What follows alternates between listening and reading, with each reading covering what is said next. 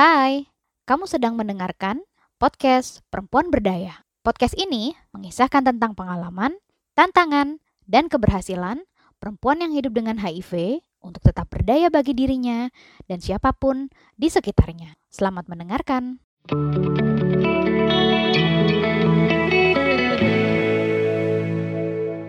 Selamat malam kawan-kawan semua.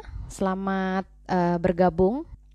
Kita ketemu lagi setelah sebelumnya uh, satu bulan lalu kita ngobrol-ngobrol sama uh, pembicara sebelumnya dan hari ini pembicaranya spesial uh, karena kita akan bicara sesuatu yang uh, apa ya di luar uh, konteks yang selama ini teman-teman uh, di lingkaran isu HIV mungkin tidak pernah bicarakan seperti itu. Jadi uh, hari ini kita kedatangan tamu Ibu Nur Rofiah.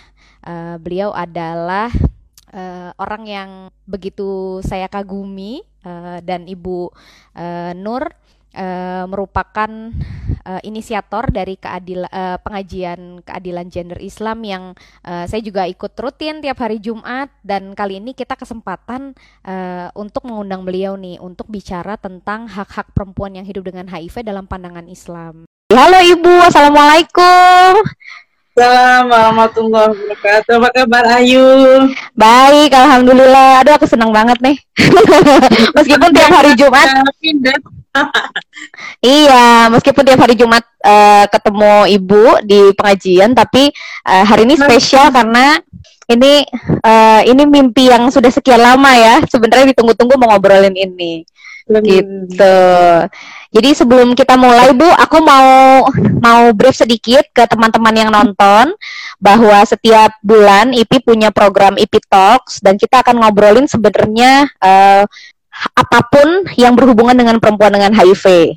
Tapi khusus uh, dalam ruang lingkup uh, yang tidak hanya sebatas medis. Nah, jadi uh, justru kalau medis kan banyak yang ngobrolin nih gitu pengobatan, pencegahan itu sudah banyak yang ngobrolin tapi untuk khusus masalah perempuan dengan HIV itu rasanya ada banyak sekali uh, ruang lingkup kehidupannya yang uh, tidak pernah dibahas bahkan tidak pernah disentuh. Bahkan orang banyak yang tidak sadar bahwa kerentanan perempuan setelah kena HIV itu meningkat uh, baik baik dalam uh, ruang lingkup keluarganya, masyarakatnya dan lain sebagainya. Nah, uh, kali ini spesial uh, dan sudah diagendakan sejak beberapa bulan lalu akhirnya ketemu harinya ngobrol sama uh, Bu Nur.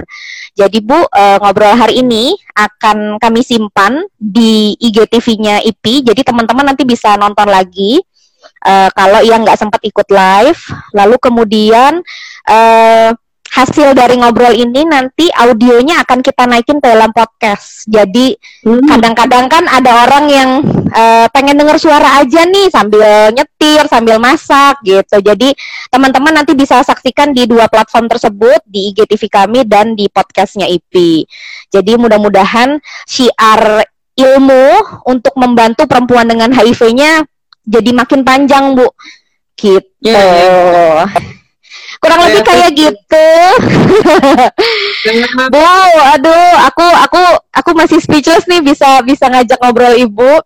Uh, mudah-mudahan teman-teman yang biasa uh, apa namanya ikutin kajiannya Bu Nur nanti juga bisa dapat wawasan baru ya soal perempuan dengan HIV. Hmm. gitu. Nah uh, sebelum nanti kita masuk nih, aku mau kasih gambaran dulu nih Bu, karena sebenarnya kan ya, aku nggak punya pertanyaan khusus buat Bu Nur, aku nggak punya pertanyaan khusus, tapi aku pengen cerita seperti apa sih sebenarnya situasi perempuan dengan HIV saat ini dan hmm. bagaimana kerentanannya, lalu bagaimana kemudian menurut Bu Nur uh, Islam melihat situasi tersebut? Karena hmm. kadang-kadang benturannya kita justru adalah tadi uh, apa yang kita yakini gitu ya Nah itu itu jadi penting. Jadi uh, uh, brief awalnya adalah uh, pertama perempuan itu sangat rentan bu uh, kena HIV. Itu kalimat pertama saya. Kenapa? Karena um, Indonesia tidak mengakomodir uh, semua masyarakatnya sejak remaja hmm. informasi mengenai kesehatan seksual dan reproduksi termasuk uh, apa namanya pencegahan bagaimana kemudian kami bisa melindungi diri dan uh, ada resiko-resiko penyakit dan lain sebagainya itu nggak ada sama sekali sehingga kalau orang-orang berpikir bahwa orang yang kena HIV hanya mereka yang memiliki perilaku beresiko itu mungkin belum tahu bahwa orang-orang seperti saya uh, hmm. yang kemudian terkena HIV justru dari hmm. pasangan tetap. Jadi kami punya suami. Betul, punya suami, kami berhubungan hanya dengan suami dan tidak uh, punya uh, pasangan lain. Dan di luar daripada itu, saya juga meyakini bahwa teman-teman yang memiliki perilaku beresiko, saya percaya bahwa mereka juga adalah korban teman-teman pekerja seks, teman-teman hmm. pengguna nafsa, kita tidak pernah hmm. diberikan kesempatan untuk mendapatkan pekerjaan yang kesempatan pekerjaan sangat sedikit, lalu kemudian informasi pencegahan uh, penggunaan narkoba juga sangat minim gitu ya. Sehingga saya merasa bahwa banyak teman-teman yang kena HIV karena kita semua adalah korban. Itu yang pertama. Hmm. Kemudian poin kedua, Bu, setelah perempuan kena HIV tadi ya, perempuan yang uh, perempuan yang beresiko rendah saya bisa bilang kayak gitu ya perempuan yang beresiko rendah itu kemudian uh, apa namanya uh, justru memiliki kerentanan yang uh, semakin berlipat ganda setelah uh, dia kena HIV karena hmm. rasanya beda kalau misalkan perempuan kena HIV sama laki-laki kena HIV bu. Jadi misalkan ada perempuan kena HIV di dalam rumah tangga nih uh, di rumah tangganya maupun di lingkungannya kalau melihat perempuan pasti dia langsung oh ini pasti perempuan gak bener. Oh hmm. ini pasti pembawa masalah atau kemudian hmm. ini pasti gara-gara dia gitu. Tapi kalau laki-laki yang kena HIV itu dianggapnya lumrah bu. Ah biasalah kalau laki-laki nakal biasalah laki-laki itu mah emang pasti kelakuannya dia. Tapi jadi kayak dinormalisasi gitu.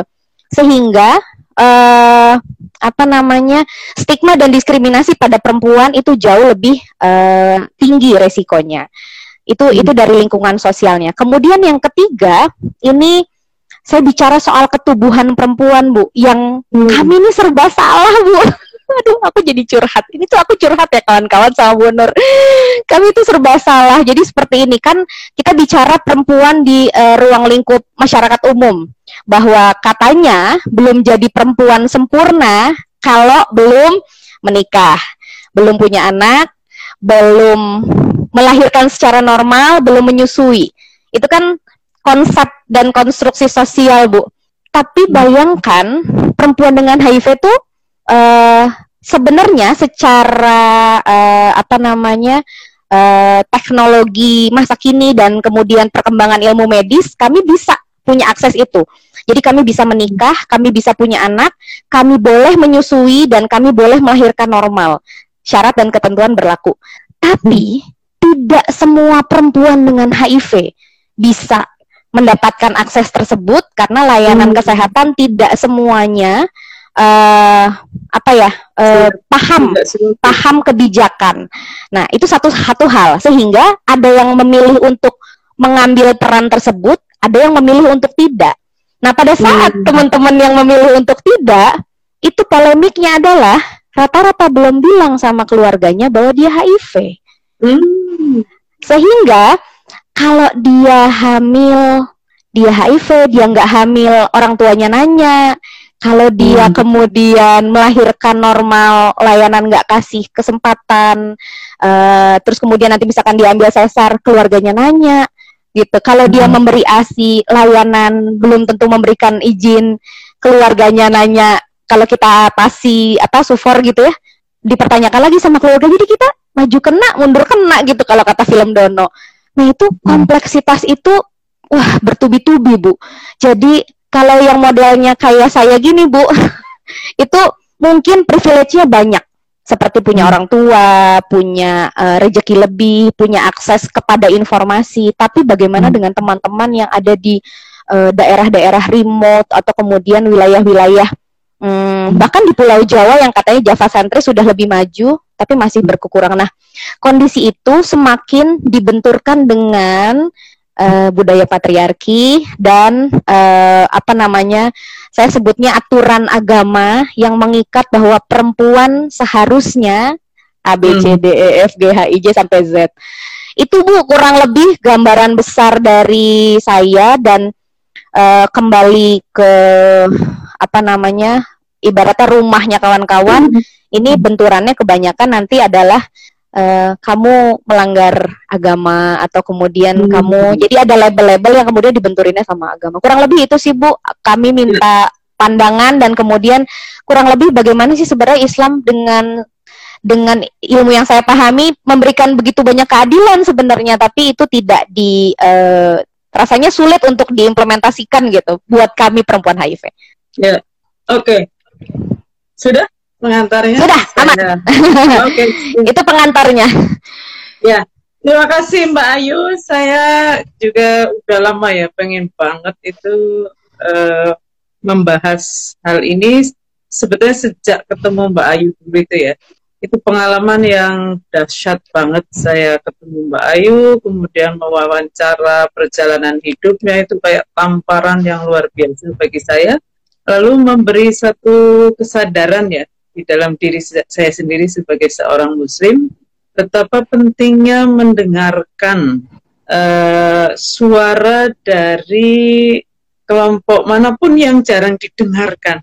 Kan tadi uh, Ayu sendiri mengatakan uh, betapa ya suara-suara begini kan jarang banget didengar ya.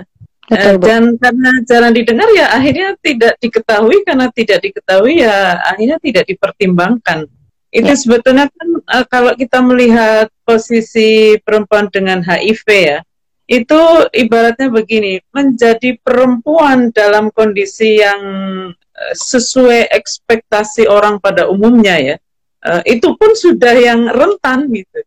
Kemanusiaan ya. perempuan ini sendiri kan da, uh, oleh masyarakat dalam sejarahnya memang menjadikan perempuan jadi rentan mengalami ketidakadilan hanya karena menjadi perempuan. Ini perbedaan uh, ketidakadilan yang lain dengan ketidakadilan berbasis gender pada perempuan itu adalah sebab dari ketidakadilan itu hanya karena menjadi perempuan gitu. Uh, menjadi perempuan itu artinya apa? Ya itu punya sistem reproduksi yang berbeda dengan laki-laki. Nanti dalam konteks HIV/AIDS kan kita tahu bahwa sistem reproduksi perbedaan itu membuat perempuan jauh lebih rentan daripada laki-laki kan?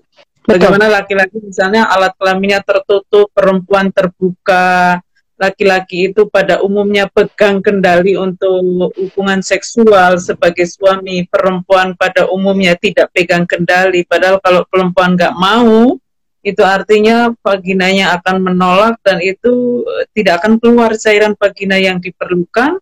Lalu terjadi lecet, lecet scan lagi, misalnya gitu ya. Lalu ya. mengalami kehamilan, eh, nifas, menyusui itu juga uh, menjadi bisa menjadi media uh, penularan uh, HIV misalnya gitu. Nah artinya gini, uh, perempuan dalam kondisi biasa saja dia sudah rentan. Maka perempuan dalam situasi tertentu yang itu sulit biasanya lebih rentan lagi. Ya. Uh, nanti ada perempuan nih, lalu perempuan dengan HIV lalu perempuan dengan HIV dalam uh, kondisi hamil, perempuan dengan HIV dalam kondisi hamil di masa pandemi. Aduh ya betul. Dengan, itu bisa berlapis-lapis karena uh, keperempuanan itu kan melekat di dalam kemanusiaan kita gitu. Betul. Nah ini uh, karenanya uh, semua ketidakadilan ya, uh, tidak uh, jadi kelompok yang rentan mengalami ketidakadilan itu kalau dalam bahasa Al-Qur'an itu di eh, dikategorikan sebagai tu'afa. Tu'afa itu kan kelompok lemah ya. Lemah itu bisa secara fisik, psikis, uh, secara fisik misalnya anak kecil, uh, perempuan yang sedang mengalami reproduksi itu juga uh, lemah karena memang uh, jadi perempuan merasa lemah, capek ketika hamil, kemudian merasa sakit, bahkan capek banget, itu wajar banget loh. Ya. Uh, atau sedang menstruasi merasakan sakit lalu ingin istirahat, itu wajar banget. Yang tidak wajar adalah melihat itu sebagai alasan untuk merendahkan perempuan, itu yang tidak wajar. maka ya. perempuan sedang menstruasi ingin istirahat itu ya wajar banget gitu dan kita mestinya lingkungan memfasilitasi itu gitu. Nah, yang berikutnya adalah orang sakit. Orang sakit itu termasuk kategori lemah ya. Lemah artinya adalah dia secara fisik tidak sedang dalam kondisi prima. Lansia, mungkin juga beberapa difabel itu juga uh, secara fisik mungkin lemah itu dalam arti dia uh, mungkin mengalami kesulitan untuk me melakukan sesuatu yang bagi orang banyak itu mudah gitu. Nah, mustadafin itu adalah orang-orang yang sebetulnya kuat, tapi dia bukan bagian dari kelompok yang dominan, sehingga banyak akses hmm. lalu tutup. Perempuan kalau tidak e, mengalami sistem reproduksi kan sebetulnya kuat-kuat aja secara fisik gitu. Tapi karena dia dipandang misalnya tidak penting untuk pintar karena nanti toh uh, ke, apa uh, ruangnya kasur sumur dapur nggak perlu ilmu tinggi tinggi uh, mereka lupa kalau perempuan juga makhluk berakal dan itu bagian dari kodrat perempuan sebagai manusia uh, sehingga mestinya pendidikan bagi perempuan itu ya penting banget karena uh, penting untuk mengasah akalnya gitu. Nah, nah dua kelompok ini ya, tu'afa dan mustad'afin. Kadang orang berada dalam posisi yang tu'afa sekaligus mustad'afin gitu. Eh, dia lemah sekaligus dilemahkan oleh masyarakatnya. Atau dia kuat tapi dilemahkan. Jadi mustad'afin itu bisa dua. Nah, kelompok ini eh, itu mesti dapat perhatian khusus dan memang dapat perhatian khusus di dalam bangunan eh, sistem pengetahuan Islam juga Uh, termasuk dalam ini ya sistem-sistem ibadah itu dikenal yang disebut dengan rukhsah. Rukhsah itu adalah keringanan. Arti dari rukhsah itu keringanan. Bayangkan loh, lagi ini kewajiban yang bagian dari rukun Islam. Puasa, sholat, haji, itu ada aturan khusus bagi perempuan-perempuan yang sedang mengalami menstruasi, hamil, melahirkan, nifas, dan menyusui. Dan hmm. aturan itu itu uh, bukan untuk menyingkirkan perempuan semangatnya itu bukan itu sama sekali tapi meringankannya dan hmm. perempuan hmm. itu uh, bukan dapat privilege yang memang seharusnya begitu orang sedang dalam kondisi tertentu ya harus disikapi dengan tertentu juga poinnya adalah jangan menjadikan kelompok kuat dan dominan sebagai standar tunggal dari hmm. uh, keadaan dan kemaslahatan, kebijakan, kearifan dan seterusnya itu. Ini yang sebenarnya dalam uh, ngaji keadilan gender Islam itu menjadi poin yang sangat penting sekali uh, dengan melihat kemanusiaan penuh orang itu tidak hanya persamaannya tetapi juga perbedaannya bahkan dalam yang berbeda itu keragamannya juga mesti dipertimbangkan gitu. Nah, uh, cara pandang seperti ini kan agak jarang diberi yeah. ruang untuk diterapkan termasuk dalam negara, di masyarakat, di agama, di ini ya tradisi beragama. Uh, karena apa? Karena kelompok yang kuat dan dominan itu memang benar-benar mendominasi apa yang disebut dengan kebijakan. Yeah. Uh, kebijakan itu kan di ya, diatur ber, berabad-abad lamanya ya hanya oleh laki-laki kalau kita Betul. lihat uh, rentetan sejarah raja presiden itu mayoritasnya laki-laki. Laki-laki. Uh, tokoh, ya tokoh ada, tokoh uh, tokoh masyarakat juga mayoritas laki-laki. Sehingga apa yang disebut dengan kebijakan ya kebijakan perspektif laki-laki. Apa artinya? Uh, nanti ada arti spesifik nih. Uh, kearifan sosial atau kearifan lokal ya itu sesungguhnya adalah kearifan menurut laki-laki sehingga yeah. banyak tradisi, banyak nilai sosial yang kadang membuat perempuan itu tidak arif sama sekali. Betul. Tapi dipandang sebagai keluhuran, keagungan, uh, nilai moyang yang harus dipertahankan, padahal itu membahayakan perempuan ya banyak banget. Begitupun dengan kemaslahatan agama ya. Jadi kalau uh, kemaslahatan agama sebagaimana dikehendaki oleh Tuhan, kita mesti yakin bahwa itu adil untuk semuanya bahkan hmm. adil khususnya bagi duafa dan mustadafin gitu. Cuma uh, ke kemaslahatan agama juga dirumuskan lagi oleh manusia. Ya, yeah. manusia ini mayoritasnya laki-laki lagi gitu. Ini belum sampai ke dengan HIV ya, baru sampai yeah. uh, pada relasi laki-laki dan perempuan gitu. Apa artinya kalau dunia ini didominasi oleh laki-laki ya berarti didominasi oleh mereka yang tidak pernah mengalami menstruasi, hamil, melahirkan, nifas, menyusui, enggak itu Betul. paling nggak lima pengalaman biologis itu kan benar-benar perempuan yang mengalami dan itu bukan pengalaman ecek-ecek gitu loh itu tuh pengalaman Betul. yang disebut oleh Al-Quran sebagai ada coba kan kalau kita mau uh, uh, sedang menstruasi atau mau menstruasi PMS itu kan terjadinya sebelum. Karena terjadi kontraksi supaya sel telur itu keluar dari indung telur dan itu tuh bagi banyak orang sakit banget. Meskipun Betul. tidak sama ya kan? Orang yang sama juga bisa menstruasi hari ini dan besok berbeda. Itu di, di, direspon gitu oleh oleh agama uh, jadi agama itu memberi memperhitungkan situasi itu dalam bangunan uh, aturannya sebetulnya kayak tadi yang saya katakan sebagai ruhsoh gitu ya uh, uh, keringanan bukan yang perempuan lalu diusir uh, dianggap tidak layak untuk beribadah sebenarnya spiritnya bukan itu sama sekali ya. cuma uh, bahwa itu kemudian difahami seperti itu ya itu lain lagi uh, lalu uh, tidak mengalami kehamilan. Hamil itu 9 bulan. Itu bukan pengalaman yang kaleng-kaleng, itu pengalaman yang bagi perempuan tanpa HIV saja itu sudah yang kurhan ya, disebut oleh Al-Quran itu pengalaman yang melelahkan, melelahkan dan wahnan ala wahnin. Itu sakit dan lelah yang berlipat-lipat ya. berturut-turut. Bayangin loh, hamil 9 bulan kan kadang kalau kehamilan pertama uh, banyak perempuan yang tidak menyadari ya menyadari eh, secara mental itu dikiranya kalau udah melahirkan selesailah itu. Iya, padahal, padahal belum. itu mulai mulai dua tahun uh, penyusuan gitu yang lebih panjang dari kehamilan. Sehingga kadang ibu ibu pertama itu kaget karena uh, perasaan kalau uh, uh, menyangkanya uh, habis melahirkan udah gitu. Padahal itu juga mu, dimulainya dari proses panjang penyusuan.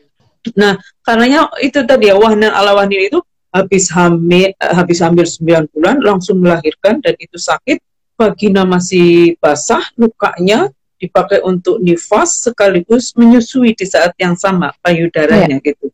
Maka itu yang disebut wahnan ala wahnin itu berturut-turut berlipat-lipat itu adalah itu. Dan itu uh, laki-laki nggak mengalami.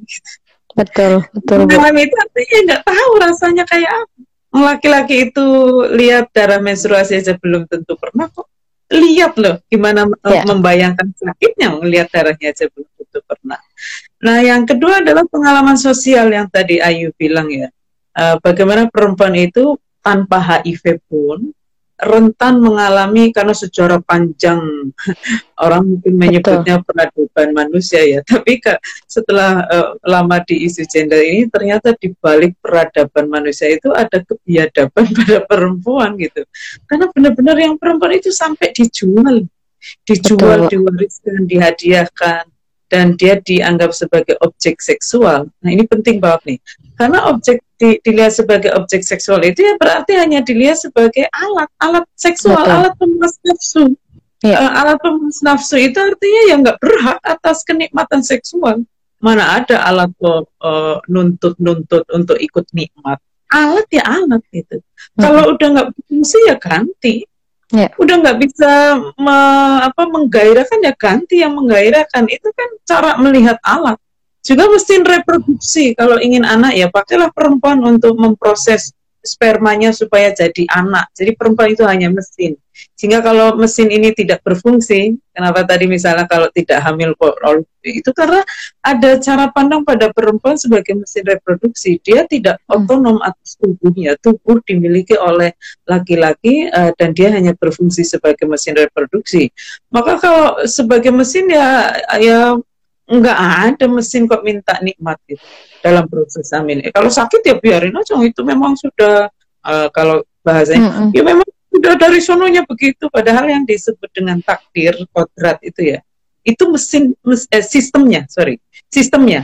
Jadi sistem reproduksi laki-laki dan perempuan yang berbeda itu memang dari Allah. Tapi menggunakannya apakah akan digunakan secara bermartabat atau tidak bermartabat yeah dampak kebaikan pada si perempuan yang punya sistem itu atau tidak itu sebetulnya sudah ikhtiar banget itu tanggung jawab manusia loh Ya, betul. Sehingga kalau misalnya perempuan kesakitan lalu ya itu kan sudah kodratnya. Kodrat itu sistemnya, tapi sistemnya. membuat itu makin sakit atau sebaliknya makin nyaman. Atau jangan digunakan sistem itu karena bisa berdampak lebih sakit lagi. Ya jangan. Makanya dalam konsep keadilan hakiki perempuan itu prinsip dasarnya kan sistem reproduksi perempuan itu sudah memberi rasa sakit maka yang disebut dengan keadilan, kemaslahatan, kebijakan, kearifan itu nggak boleh menyebabkan sistem reproduksi perempuan makin sakit. Maka nanti akan dilihat misalnya ya eh, perempuan dengan HIV/AIDS, apakah peristiwa itu akan menyebabkan dia makin sakit, makin bebannya bertambah berlipat-lipat eh, atau tidak? Maka jangan menjadikan perempuan tanpa HIV sebagai standar tunggal kemaslahatan yeah. perempuan dengan HIV itu prinsip dasar banget tuh. Jangan menjadikan kelompok yang lebih kuat itu sebagai standar dari mereka yang mungkin dalam posisi tertentu sehingga ada pertimbangan-pertimbangan yang membuat sesuatu yang uh, semula baik bagi perempuan tanpa HIV itu menjadi tidak baik atau bukan terbaik lah paling tidak ya bukan terbaik bagi perempuan uh, dengan HIV ya jangan disamakan hukumnya gitu. Uh, yang yang kedua tadi ya kerentanan perempuan untuk mengalami atau mengalami ketidakadilan hanya karena menjadi perempuan itu jelas nggak adil sama sekali. Kita itu ditakdirkan menjadi perempuan oleh Tuhan. Kita nggak milih. Itu bukan ikhtiar Betul. kita. Kalau kita kemudian diperlakukan tidak adil karena sesuatu yang bukan pilihan kita kan nggak adil.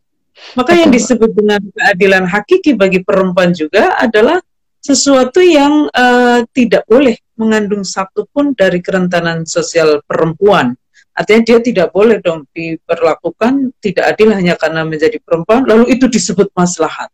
Lalu itu disebut bijak, ya enggak dong yang disebut bijak yang nggak boleh mengandung uh, satu pun dari ketidakadilan sosial itu. Maka uh, ada tiga langkah ya Ayu, mungkin ini berguna sekali untuk melihat uh, uh, bagaimana caranya untuk tidak menjadikan perempuan tanpa HIV atau laki-laki dengan HIV sebagai standar bagi perempuan dengan HIV. Pertama itu selalu melihat persamaan ya. Jadi persamaan itu juga penting banget. Ini sebetulnya yang dikembangkan di metode membadalah kan ini. Hmm. Jadi dalam dalam titik persamaan sama-sama sebagai warga negara, sama-sama hmm. sebagai umat beragama, berarti dia berhak atas kemaslahatan, punya kewajiban mewujudkan kemaslahatan sekaligus menikmatinya. Jadi kalau dalam konsep uh, persamaan ada tiga tahap, tahap persamaan itu begini. Laki-laki dan perempuan dengan HIV atau tanpa HIV itu sama-sama manusia. Berarti hmm. sama-sama harus bersikap manusiawi dan disikapi secara manusiawi. Laki-laki dan perempuan baik uh, dengan HIV maupun bukan HIV sama-sama warga negara loh. Berarti harus diperlakukan secara bijak oleh negara. Laki-laki dan perempuan sama-sama umat beragama loh. Berarti sama-sama ya wajib mewujudkan kemaslahatan sekaligus menikmatinya uh, wajib mencegah kemungkaran sekaligus dilindungi dari kemungkaran itu sendiri. Ini soal persamaan ya. Lalu setelah persamaan kita juga harus mempertimbangkan perbedaan. Kayak tadi antara laki-laki dengan perempuan, apa nih bedanya? Nah perbedaan ini juga harus dipertimbangkan dalam mewujudkan keadilan. Misalnya laki-laki dan perempuan. Perempuan itu punya pengalaman biologis yang dahsyat ya, karena laki-laki itu cuma ngeluarin sperma dan itu menitan doang rasanya nikmat. Itu. Bayangkan itu menitan nikmat. Perempuan menitan ada, jam-jaman ada, harian ada, mingguan ada, bulanan ada, bahkan tahunan bertahun-tahun. Tahunan dan itu ada rasa sakitnya di samping mungkin ada rasa bahagia. Maka sebetulnya yang harus kita ikhtiarkan adalah gimana caranya menyikapi pengalaman biologis perempuan ini dengan sesuatu yang membuat bahagianya itu melampaui sakitnya. Hmm. Itu kayak misalnya punya bayi itu sakit wah nan alawanin prosesnya panjang banget. Tapi bahagia punya bayi itu mesti melampaui sakit dari proses hamil sampai menyapih itu bahkan seterusnya kan karena anak itu akan jadi tanggung jawabnya. Nah ya. kalau ini tidak tidak terjadi sebetulnya ya uh, kita gagal untuk memperlakukan atau mewujudkan kemaslahatan pada perempuan. Nah, uh, itu berbeda. Yang kedua adalah tadi itu secara sosial ada kerentanan khusus nih yang tidak dialami oleh laki-laki. Karena bagaimanapun laki-laki uh, tidak akan mengalami semua ini karena menjadi perempuan, kan mereka laki-laki. Yeah. Kalau mereka mengalami karena kondisi lain itu bukan sedang kita bicarakan, kita lagi bicara tentang ketidakadilan hanya karena menjadi perempuan. Maka kondisi khusus ini harus diperhatikan betul, jangan sampai perempuan dalam konsep keadilan, dalam apa yang diyakini sebagai kebijakan, kearifan, kemaslahatan itu kok mengandung salah satu apalagi lebih gitu dari yeah. ketidakadilan hanya karena menjadi perempuan. Nah, sekarang perempuan nih relasi antar perempuan juga harus menyadari bahwa di antara perempuan ter terdapat perbedaan. Sama kayak tadi ya, di antara orang dengan HIV, laki-laki dan perempuan ada perbedaan. Maka jangan hanya bertumpu pada persamaan, karena kalau hanya bertumpu pada persamaan, kecenderungan besarnya adalah menjadikan uh, pihak dominan itu sebagai standar tunggal. Ya. Maka jangan jangan memahami kemanusiaan adalah sesuatu yang dialami bersama oleh laki-laki dan perempuan. Jangan begitu. Nanti pengalaman khas kemanusiaan perempuan menjadi dikecualikan. Ya, benar. Jangan bicara tentang kepentingan publik itu adalah kepentingan yang di, dimiliki oleh semua orang. Jangan. Nanti kepentingan publik dari kelompok yang tidak dominan dikecualikan. Itu jadi hati-hati juga ya dalam memahami nilai-nilai yang bersifat netral, konsep-konsep yang bersifat netral. Karena sesungguhnya yang netral-netral itu mewakili persepsi dominan. Kayak berpikir hmm. rasional. Jangan salah berpikir rasional juga filosof yang punya rumusan laki-laki. Maka hmm. nanti berpikir rasional itu artinya adalah berpikir ala laki-laki. Nanti kalau berpikir ala perempuan dengan segala pengetahuan dan pengalaman khasnya yang berbeda, dianggap dianggap tidak rasional. dianggap emosional. Itu kebijakan juga begitu. Eh, eh, sebelum kebijakan ya ilmiah nih. Hati-hati juga dengan teori ilmiah. Karena teori ilmiah juga tidak netral gender. Kan uh, ilmuwan membawa praasumsi. Praasumsi salah satunya ya asumsi gender itu sehingga teori-teori ilmiah, berpikir objektif dan lain sebagainya itu ya sebetulnya uh, ilmiah, objektif, perspektif laki-laki lagi. Nanti kalau perempuan yang bicara dengan segenap pengetahuan dan pengalamannya dianggap nggak objektif, nggak ilmiah. Ini sampai yang ke dunia sastra loh.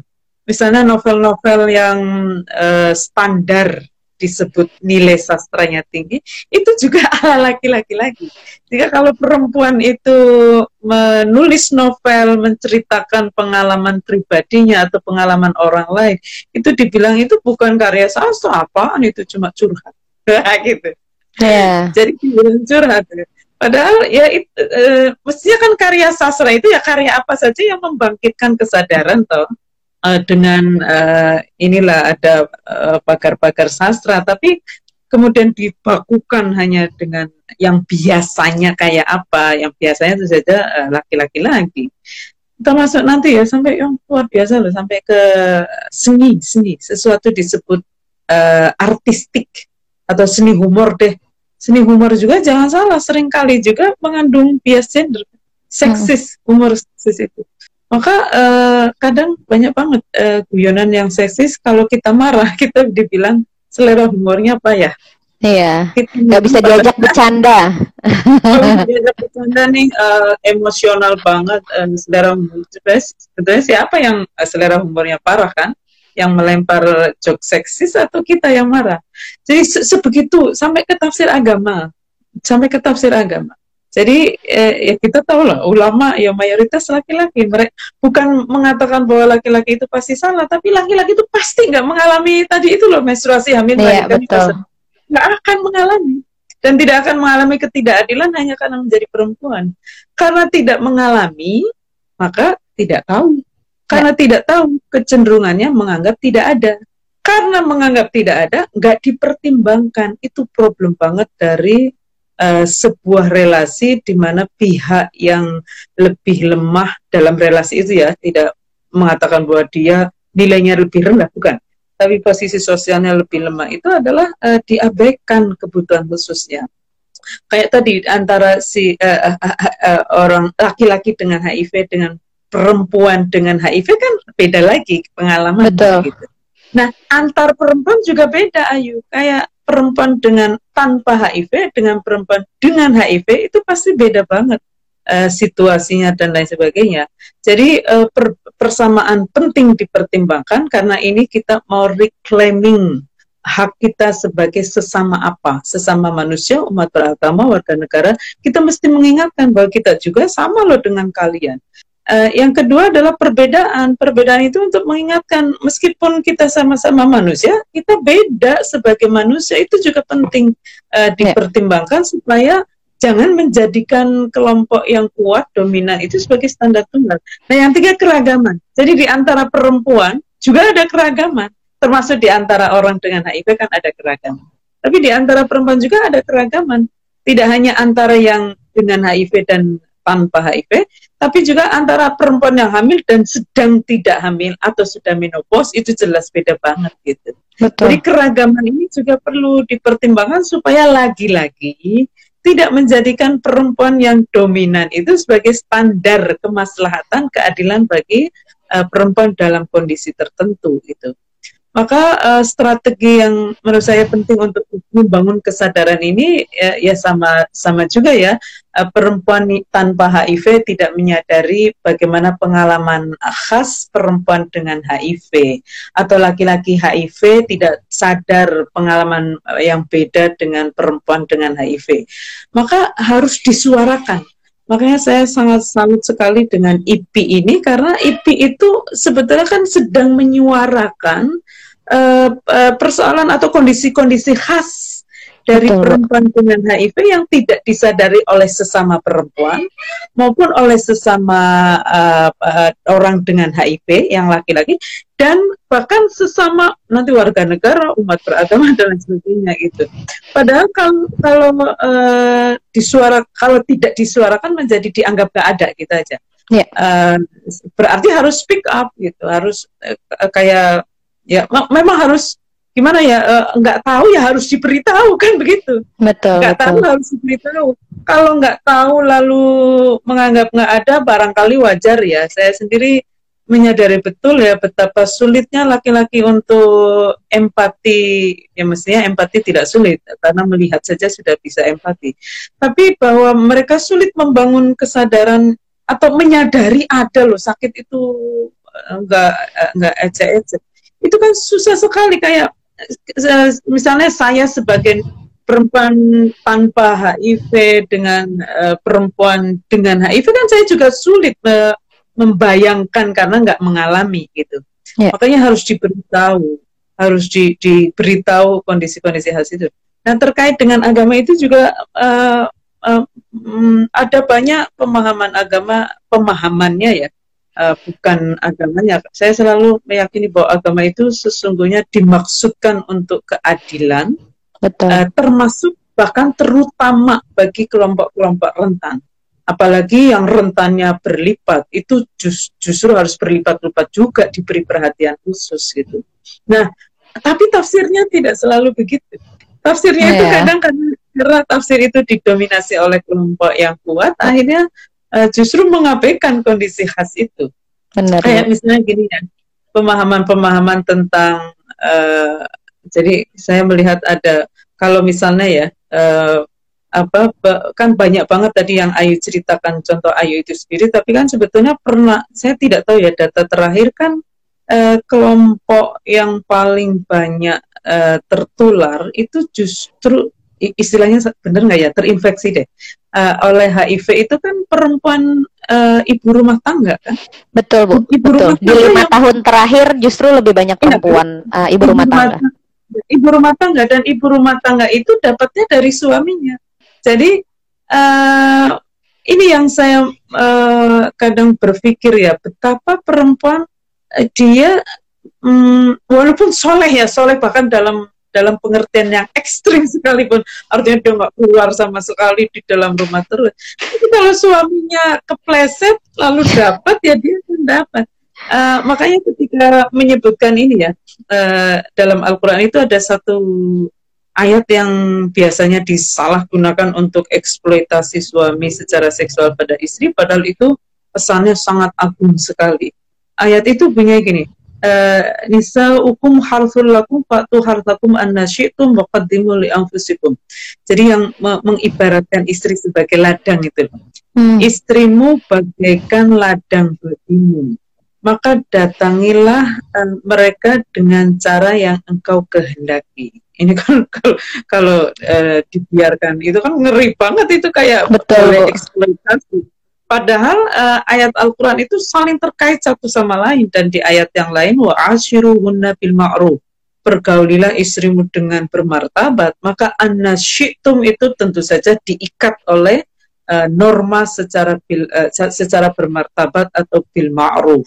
Jadi otoritas dalam Islam atau kebolehan uh, atau power atau apa pun itu kan amanah untuk memastikan uh, justru memastikan siapa pun terutama mereka yang berada di bawah tanggung jawabnya itu uh, tidak diperlakukan secara sewenang-wenang. Cuma yeah. itu kadang-kadang hilang gitu loh. Uh, yeah. Wewenang itu kalau tanpa spirit tanggung jawab kan jadi kesewenang-wenangan. Nah, mengibaratkan ladang itu sebetulnya uh, bermakna begini, lindungi gitu, lindungi.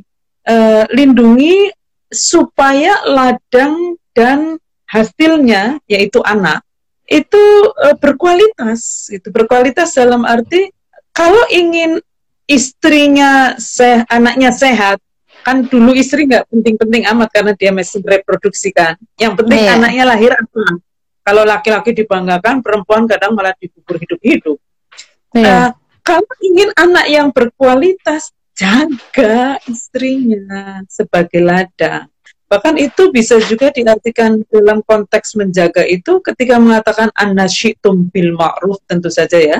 Uh, dengan cara apa saja itu mau mengatakan gini loh. Uh, istrimu kan bisa di halal ya, bisa disetubuhi dengan cara apa saja, tentu saja dengan cara yang uh, bermartabat. Maka jangan bercocok tanam di ladang yang lain. Gitu. Betul, Bu. Karena bercocok tanam di ladang yang lain nanti bisa kena hama loh. Hama itu bisa menularkan ladangmu dan tanaman yang dihasilkan. IMS kan begitu.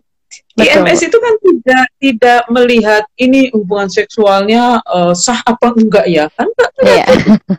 ya ada media ya dia akan uh, berpindah gitu makanya ada dua uh, perkawinan yang halal tapi enggak teryiban itu atau dia menjadi ini ya media penular percepatan penularan itu uh, uh, satu adalah poligami. poligami hmm, itu kan betul. menjadi media yang akhirnya mempercepat penyebaran karena apa? Karena misalnya satu uh, suami dengan empat istri ya, entah siapa pun yang positif itu kan bisa lalu bermuter itu ke empat kelima orang dengan suami itu. Yang kedua adalah uh, kawin cerai. Dia tidak poligami tapi serial monogami. Serial monogami itu kawin cerai itu. Nah, itu juga kan sebetulnya resiko besar juga untuk menular percepatan penularan itu gitu. Jadi uh, makanya di dalam Islam itu ada istilah halalan thayyiban wa ma'rufan. Nah, ini yang harus dipegang oleh teman-teman HIV ini. Misalnya uh, so kalau nggak hamil begini dilema tadi itu ya. Yang Ayu katakan tidur Yeah. Kalau hamil, saya tahu bahwa ini ada resiko besar anak saya dan saya sendiri mungkin akan akan saya jadi harus ngurus dua kan ya saya ya anak saya. Apalagi kalau anaknya banyak. Uh, semuanya di, walaupun tidak selalu kalau ada acara misalnya tadi kan masih sulit diakses itu sehingga kemungkinan besarnya adalah uh, akan positif juga. Uh, lalu maka tadi itu hubungan seksualnya halal, hamilnya halal, tapi toyib apa enggak gitu. Hmm. baik atau tidak. Nah baik atau tidak itu ini kerja nalar eh, berakal tadi itu. Bahkan nanti baik atau tidak pun harus disertai dengan pantas atau tidak. Sebagai hmm. makhluk yang berakal budi loh ya. Karena kita kan dikarunia akal dan hati nurani itu sebetulnya untuk terus menerus memilih yang terbaik di antara kemungkinan yang ada dan tidak menjadikan orang lain sebagai standar tunggal mau orang lain itu lebih uh, lebih kuat maupun lebih lemah nggak boleh jadi standar. Standarnya kita sendiri. Jadi halalan thayyiban wa ma'rufan itu uh, kita diminta untuk me mendayagunakan akal budi untuk melihat eh, pilihan-pilihan yang ada di depan kita mana yang terbaik. Mana ya. yang terbaik itu tidak selalu antara yang baik dengan lebih baik. Kalau itu biasanya orang yang punya privilege kan uh, pilihannya itu mau misalnya tas branded ini atau brand ini atau brand itu gitu kan yeah. itu artinya baik dan lebih baik mahal dan lebih mahal uh, kadang kalau misalnya ada kemungkin ada pilihan di depan kita baik dan lebih baik pilih yang lebih uh, uh, pilihannya ada misalnya lebih baik dan terbaik, pilih yang terbaik. Baik dan lebih baik, pilih yang lebih baik. Baik dengan baik, pilih yang terbaik. Ya. Baik dan buruk, pilih baik. Buruk dan buruk, pilih yang terbaik di antara yang buruk. Buruk dan lebih buruk, pilih buruk. Lebih buruk dan terburuk, pilih lebih buruk. Dan itu tuh nggak bisa melihat yang lain sebagai standar diri sendiri. Betul. Maka perempuan dengan HIV mesti mesti menyadari dirinya adalah subjek penuh. Itu arti subjek penuh adalah itu tidak menjadikan orang lain sebagai standar. Uh, yang disebut dengan khairun nasi anfa'uhum linnas itu kan ada dua pengertian ya. Jadi sebaik-baik manusia adalah yang bertakwa. Bertakwa itu adalah komitmen benar-benar hanya menuhankan Allah atau tauhid yang melahirkan kemaslahatan bagi sesama manusia, sesama makhluk, sesama suami istri, sebagai pasangan, sesama anggota keluarga dan seterusnya. Nah, atau iman kepada Allah yang melahirkan perilaku baik atau amal soleh itu takwa dan itu satu-satunya standar. Makanya kalau ditanya misalnya gini ya, lebih baik mana nih eh, laki-laki uh, laki-laki atau perempuan? Ya perempuan yang satu perempuan yang bertakwa lebih mulia dari berapapun laki-laki yang tidak bertakwa. Uh, satu laki-laki yang bertakwa lebih baik dari berapapun perempuan yang tidak bertakwa, bukan karena menjadi laki-laki, tapi karena bertakwa. Nanti antara la, la, la, la, perempuan HIV dengan laki-laki HIV, mana yang lebih baik? Ya mana saja yang lebih bertakwa. Bertakwa itu artinya tadi itu berpegang teguh dengan komitmen iman dengan membuktikannya dengan amal baik memberi manfaat. Uh, mana yang lebih baik, perempuan HIV atau laki-laki yang uh, eh, HIV? Ya perempuan yang HIV dan bertakwa itu lebih baik dari laki-laki HIV yang tidak bertakwa. Bahkan laki-laki tanpa HIV yang tidak bertakwa. Bagaimana perempuan HIV dengan yang bukan yang tidak uh, tanpa HIV? Ya perempuan yang dengan HIV yang bertakwa itu lebih baik daripada perempuan tanpa HIV yang tidak bertakwa. Maka benar-benar ini harus dipegang teguh ya bahwa uh, di dalam Al-Quran itu standar manusia benar-benar hanya satu yaitu takwa. Takwa itu artinya hmm. adalah hubungan baik dengan Allah yang melahirkan hubungan baik dengan makhluknya. Maka tanda dari orang yang bertakwa itu adalah uh, khairun nasi anfa'uhum linnas itu. Sebaik-baik manusia adalah yang paling memberi manfaat secara maksimal sesuai kemampuan masing-masing. Jadi ya. bukan perbandingannya itu bukan orang lain ya. Ya. Jadi bukan orang lain. Tentu saja kalau orang miskin dengan orang kaya ya kemampuan bersedekahnya lain. Karena potensi eh, atau harta yang dimiliki beda. Maka bukan nominalnya tapi berapa persen. Kalau ya. uh, orang kaya punya satu miliar dia sedekah se sejuta. Orang miskin hanya punya seratus ribu dia sedekah eh, dua puluh ribu si miskin ini dia lebih lebih dahsyat karena dia berkorbannya lebih banyak gitu. Nah begitu juga dengan uh, ini ya uh, anfa'uhum linnas itu uh, kadang banyak hal ya di nasib kita itu kan ditentukan oleh kodrat atau takdir Allah tentu saja. Uh, ada yang yang dari Allah. Misalnya kita punya tangan, punya kaki, itu kan Allah yang memberi. Betul. Kita tidak menentukan lahir dengan tangan. Bahkan uh, ada juga mereka yang uh, nah yang kedua adalah ikhtiar. Jadi ada takdir, ada ikhtiar. Tangan dari Allah, tapi menggunakannya itu sudah kita, sudah ikhtiar. Kayak tadi alat kelamin dari Allah, tapi menggunakannya secara bermartabat atau tidak ya kita.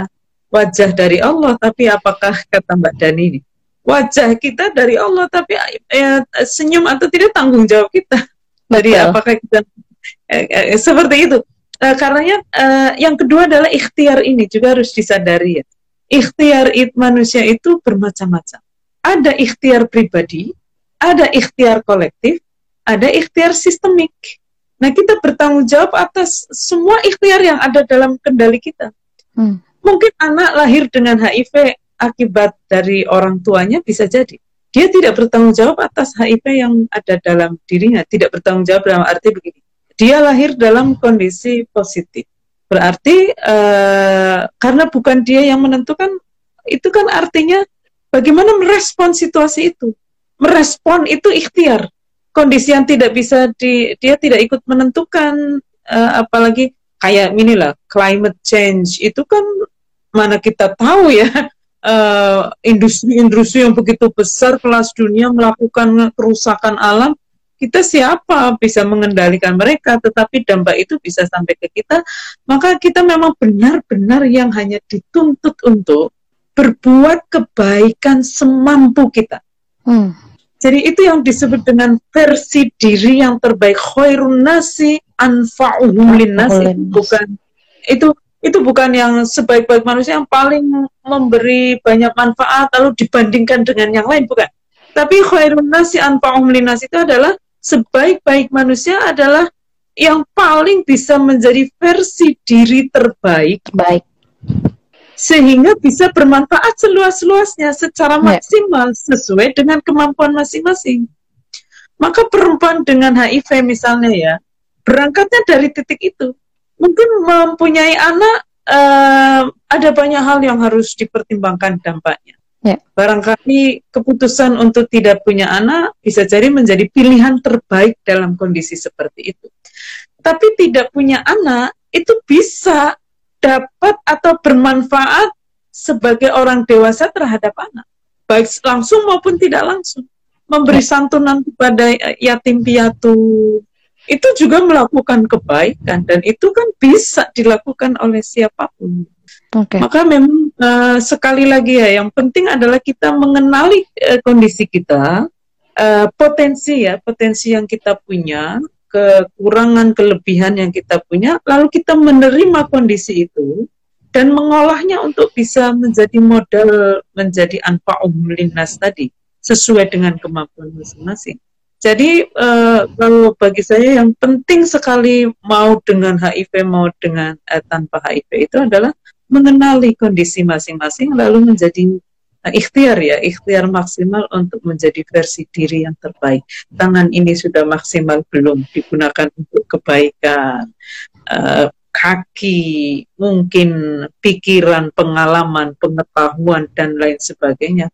Kita begitu banyak jalan untuk bermanfaat tidak hanya dengan uh, punya anak ya dalam kondisi tertentu yang itu punya resiko tinggi baik bagi anak maupun bagi diri sendiri.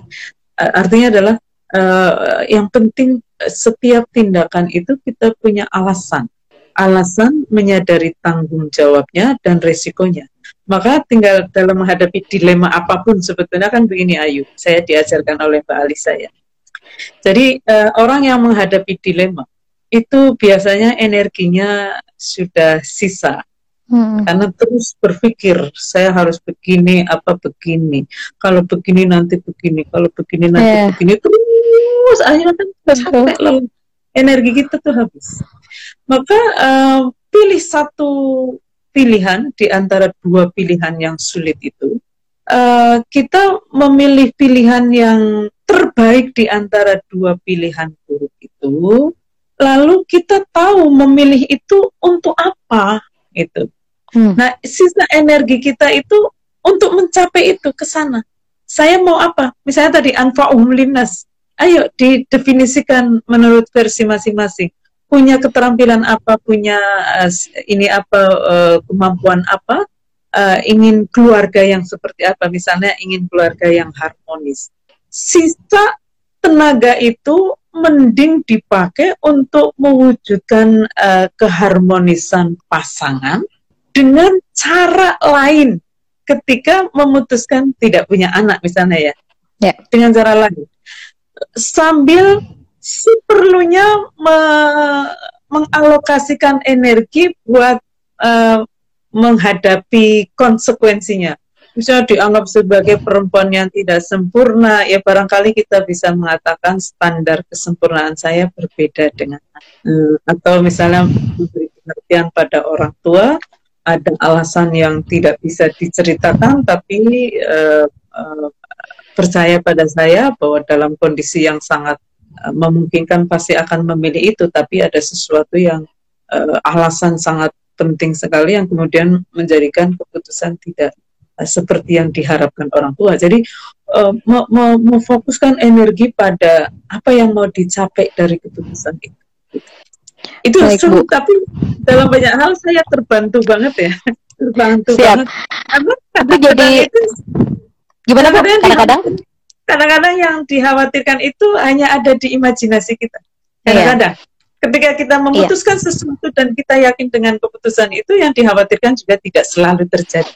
Betul betul. Ya, Ayu tadi ngomong Aku aku jadi berpikir uh, tadi ada satu kalimat yang memang akhirnya sebenarnya ya kembali uh, apa namanya membuat saya berefleksi gitu bahwa selama ini mungkin akhirnya ya karena udah udah terlalu lama ya kita di, di, di, di, dibuat seperti ini kita selalu menjadikan orang lain itu standar bagi diri kita termasuk uh, eh, IP dengan segala uh, segenap tenaga membantu memberdayakan teman-teman perempuan agar agar bisa uh, bukan hanya independen dan cerdas sebagai perempuan, uh, bisa punya hmm. pilihan, bisa bernegosiasi, bisa mengkomunikasikan, tapi balik lagi tuh benturannya itu tetap tetap eksternal ya bu ya uh, internal itu pasti benturan benturan hari-hari kan pasti itu dengan iya, segala iya. macam gejolak tapi pada saat dia sudah sampai uh, apa namanya pilihan diri yang terbaik tadi ya dengan segala macam persiapan ternyata kan tiap orang uh, energinya beda-beda nih gitu. Gak semua hmm. orang mungkin kayak saya bisa duduk bareng-bareng dan kemudian menceritakan secara bertahap dengan uh, cara yang uh, dapat diterima, bahasa yang ya kayak gitu-gitulah. Tapi banyak teman-teman yang akhirnya uh, itu menghadapi eksternal tadi gitu. Jadi mungkin uh, uh, karena nanti mereka akan menggunakan hukum sosial dan hukum agama untuk uh, apa namanya uh, membuat apa pun analogi kita menjadi tidak benar pada saat kita hmm. pasang badan sebagai uh, kami juga punya hak untuk apa dan apa gitu tapi keluarga bahkan masyarakat atau bahkan uh, apa ya namanya kalau kebijakan kan kita nggak bisa pegang langsung ya. Tapi yang terdekat aja pasangan gitu itu akan selalu uh, memberikan kita hal-hal uh, yang rasanya pemberdayaan saja ternyata tidak cukup kuat gitu. Nah itu yang kemudian uh, masih menjadi PR besarnya kawan-kawan saat kembali ke masyarakat. Uh, yang kita punya adalah pegangan uh, kekuatan diri keyakinan bahwa Tuhan nggak ke mana-mana gitu ya. Alam semesta memberikan kita uh, kehidupan yang sama seperti yang dirasakan orang-orang. Tapi pas balik itu malah dijadikan alat buat nyerang kita gitu. Nah itu itu ada tips nggak bu buat teman-teman nih? Teman-teman perempuan dengan HIV yang nonton atau teman-teman yang mungkin punya kerabat atau keluarga yang mungkin perempuan dengan HIV mungkin akhirnya setelah nonton ini mungkin jadi terbuka hati dan pikirannya bahwa ya perempuan tanpa HIV dan perempuan dengan HIV itu punya kesamaan uh, apa namanya tadi ya uh, uh, uh, uh, menjadi perempuan dan mendapat ketidakadilan tapi perbedaannya ternyata sama-sama punya kekhasan yang yang nggak bisa kita samain gitu. Dan itu hmm. harus kita berikan apresiasi. Itu gimana ya bu? Punya tips kan buat kawan-kawan sebelum uh, sepertinya kita udah satu jam takutnya uh, kita kelamaan. Mungkin itu pertanyaan terakhir dari saya uh, biasanya begini Mbak Ayu ya orang bersikap seperti itu karena nggak tahu orang dengar HIV itu kan banyak yang ketakutan karena tidak tahu penularannya seperti apa. Kalau saya berteman dengan dia akan uh, dengan sendirinya tertular apa tidak itu karena nggak tahu. Maka menghadapi orang-orang yang tidak tahu ya harus diberitahu, diberitahu. Yeah. Karena pengetahuan itu benar-benar powerful. Orang bisa yang santai kemudian tetap bergaul bareng itu karena tahu. Uh, problemnya kan tadi memberitahu saja kadang nggak berani kan? Karena ada risiko kan risiko stigma dan lain sebagainya. Jadi ya memang butuh orang-orang yang berani. Kayak dalam isu perempuan secara umum kan butuh orang-orang yang berani ngomong bahwa kawin anak itu bahaya buat perempuan. Betul. Laki kawin anak nggak akan hamil melahirkan di fase menyusui nah kita punya risiko tadi kan karena uh, stigma. Ini kan sebenarnya stigmatisasi subordinasi dan sebagainya itu tidak hanya menimpa pada perempuan secara biologis, tapi siapa pun yang berada di dalam posisi yang lebih lemah dalam sebuah relasi, termasuk perempuan uh, dengan HIV, jika dibandingkan dengan perempuan tanpa HIV ya uh, punya resiko stigma, resiko subordinasi dan lain sebagainya.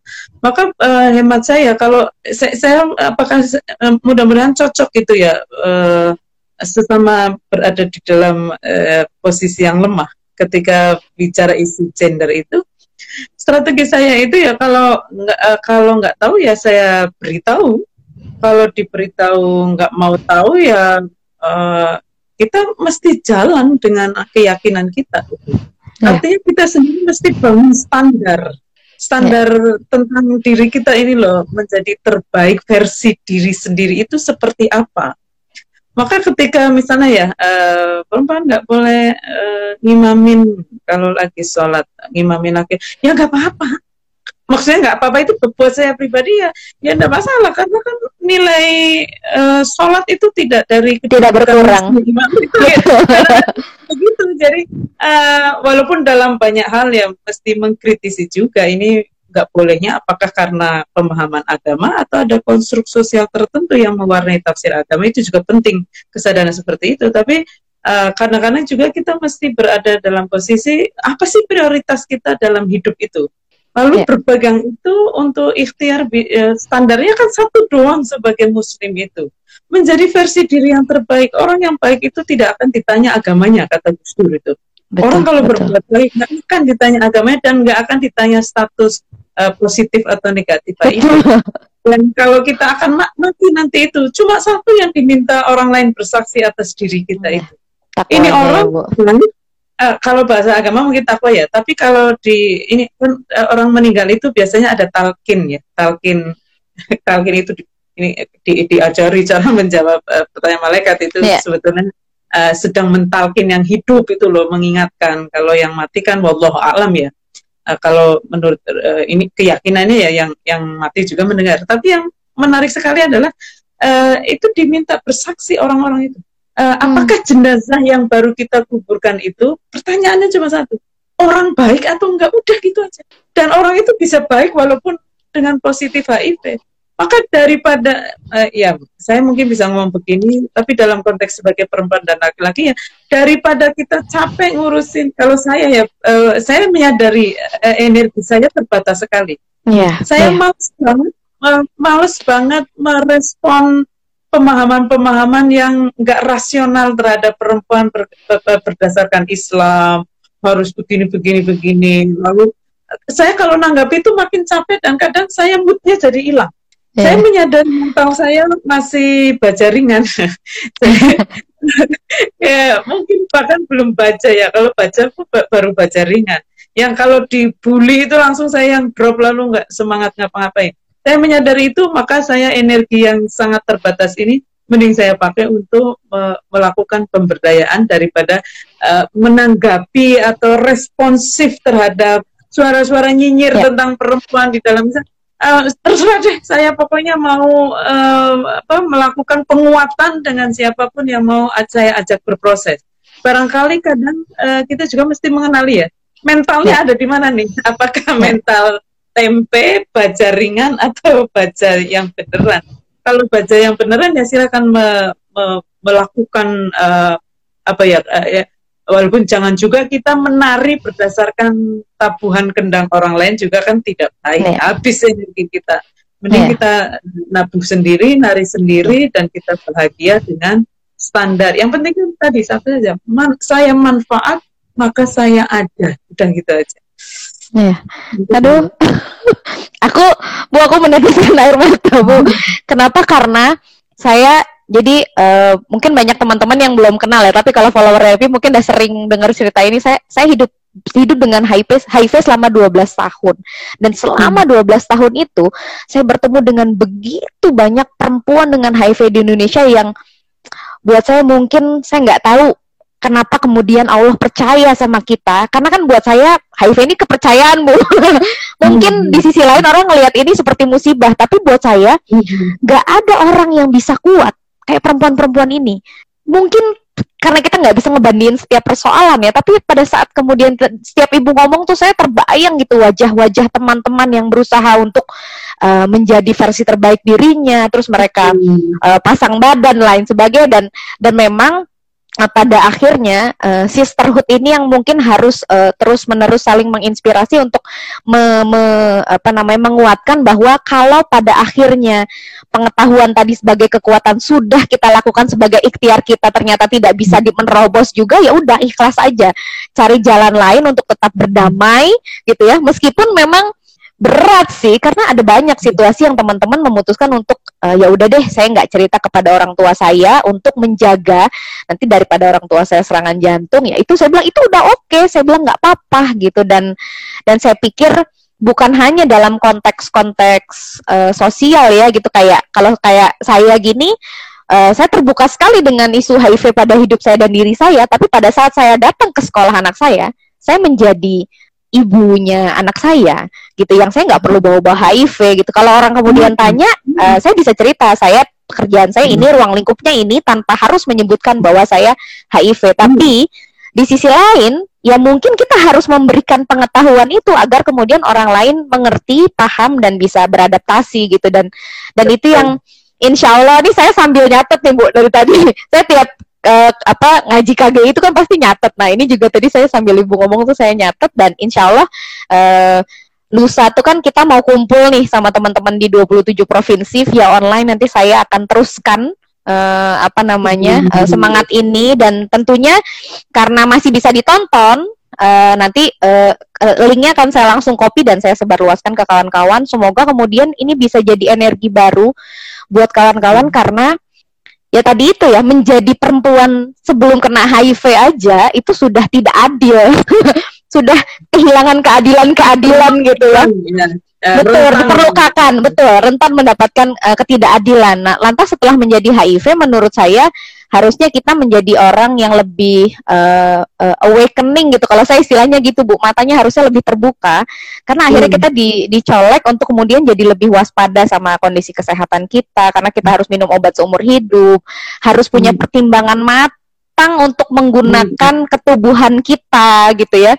Ya baik dalam konteks reproduksi ataupun memilih untuk tidak itu kan keputusan matang semua ada di dalam diri. Nah, uh, uh, uh, tantangannya adalah mungkin nanti itu teman-teman harus kita terus menerus berikan uh, harus dielus hatinya dan uh, nguatin gitu supaya ya itu jadi versi terbaik sekaligus ini bu. Harus lebih sabar menurut saya mah teman-teman tuh. Ya ya kadang uh, ya ada waktu yang marah ada waktu yang sabar yang penting pada saat yang tepat dan dengan porsi yang pas uh, saya ada sesuatu yang menarik dari Ayu tadi. Jadi kita juga harus menghormati pilihan orang ya. Pilihan Betul. orang yang berbeda dengan kita, walaupun kondisinya sama. Kayak saya juga mesti melihat misalnya orang jadi korban KDRT kok bertahan terus, ya barangkali dia kesulitan untuk memutuskan. Betul. Perlu lebih lama untuk berpikir matang. Ya kita kita maklumi sambil kita dampingi kalau memungkinkan itu. Jadi uh, berislam itu sendiri ini juga penting Ayu adalah proses terus menerus sepanjang ya, hayat. Sepanjang betul. hayat proses untuk apa? Untuk bergerak dari sistem yang dolim situasi yang dolim menuju atau bergerak ya. Walaupun pelan tidak apa-apa yang penting bergerak menuju sistem yang adil. Gitu. masuk dalam kaitannya dengan siap bu. Ini ini beneran aku catat dan uh, aku udah gak punya kata-kata sih sebenarnya. Selalu kalau ngobrol sama Bu Nur atau ikut kajian itu rasanya sejam itu nggak cukup, dua jam tiga jam juga nggak cukup. Sampai sembilan jam ngaji bertahan tetap nikmat. tetap nikmat. Teman-teman yang ikut. tetap nikmat. Oktober. Wah, siap. Nanti akan di ya, siap. Nanti akan diinformasikan kepada kawan-kawan. Mudah-mudahan ada yang bisa bergabung. Teman-teman sekalian yang nonton uh, eh, IG live hari ini, uh, tenang saja. Uh, ini akan disimpan ke dalam IGTV, masih bisa disaksikan setelah ini obrolan dari awal dan kemudian nanti audionya akan diupload di podcastnya IP, namanya podcast Perempuan Berdaya. Uh, Dan hmm. insya Allah nanti kita akan ngobrol-ngobrol lagi tentunya dengan Bu Nur di lain kesempatan. Kita akan cari waktu. Dan teman-teman follow IG-nya Bu Nur Rofiah dan uh, ngaji KGI karena uh, menurut saya kalau buat saya sih manfaatnya banyak ya Bu. Dan ada beberapa hmm. teman saya yang hmm. bahkan uh, non muslim pun ikut uh, dan mereka bilang bahwa saya saya kemudian merasa powerful gitu. Kenapa? Karena saya merasa bahwa uh, ini ya dapat dapat pencerahan dan kemudian uh, me me melihat bahwa uh, salah satu uh, komponen paling sulit dalam berkehidupan adalah berkomunikasi dengan sesama manusia gitu ya. Kalau sama hmm. Allah kan rahasia masing-masing ya Bu ya. Nah itu yang kemudian kita jadi belajar sebenarnya. Iya Ibu, aku aku berterima kasih sekali mewakili IPI. Mudah-mudahan sehat selalu Ibu. Uh, ini mohon maaf ya kawan-kawan nggak sempat bacain komen atau tanya jawab karena memang uh, uh, karena memang waktunya terbatas dan sudah malam. Uh, kita akan ketemu lagi di uh, eh, IP Talks bulan depan. Siapakah pembicaranya? Kita lihat nanti. Uh, akhirul kata, saya mohon maaf kalau ada kesalahan. Uh, terima kasih kepada Ibu Nur sekali lagi. Sehat-sehat. Selamat malam Ibu. Wassalamualaikum warahmatullahi wabarakatuh. Terima kasih kawan-kawan. Terima kasih semuanya.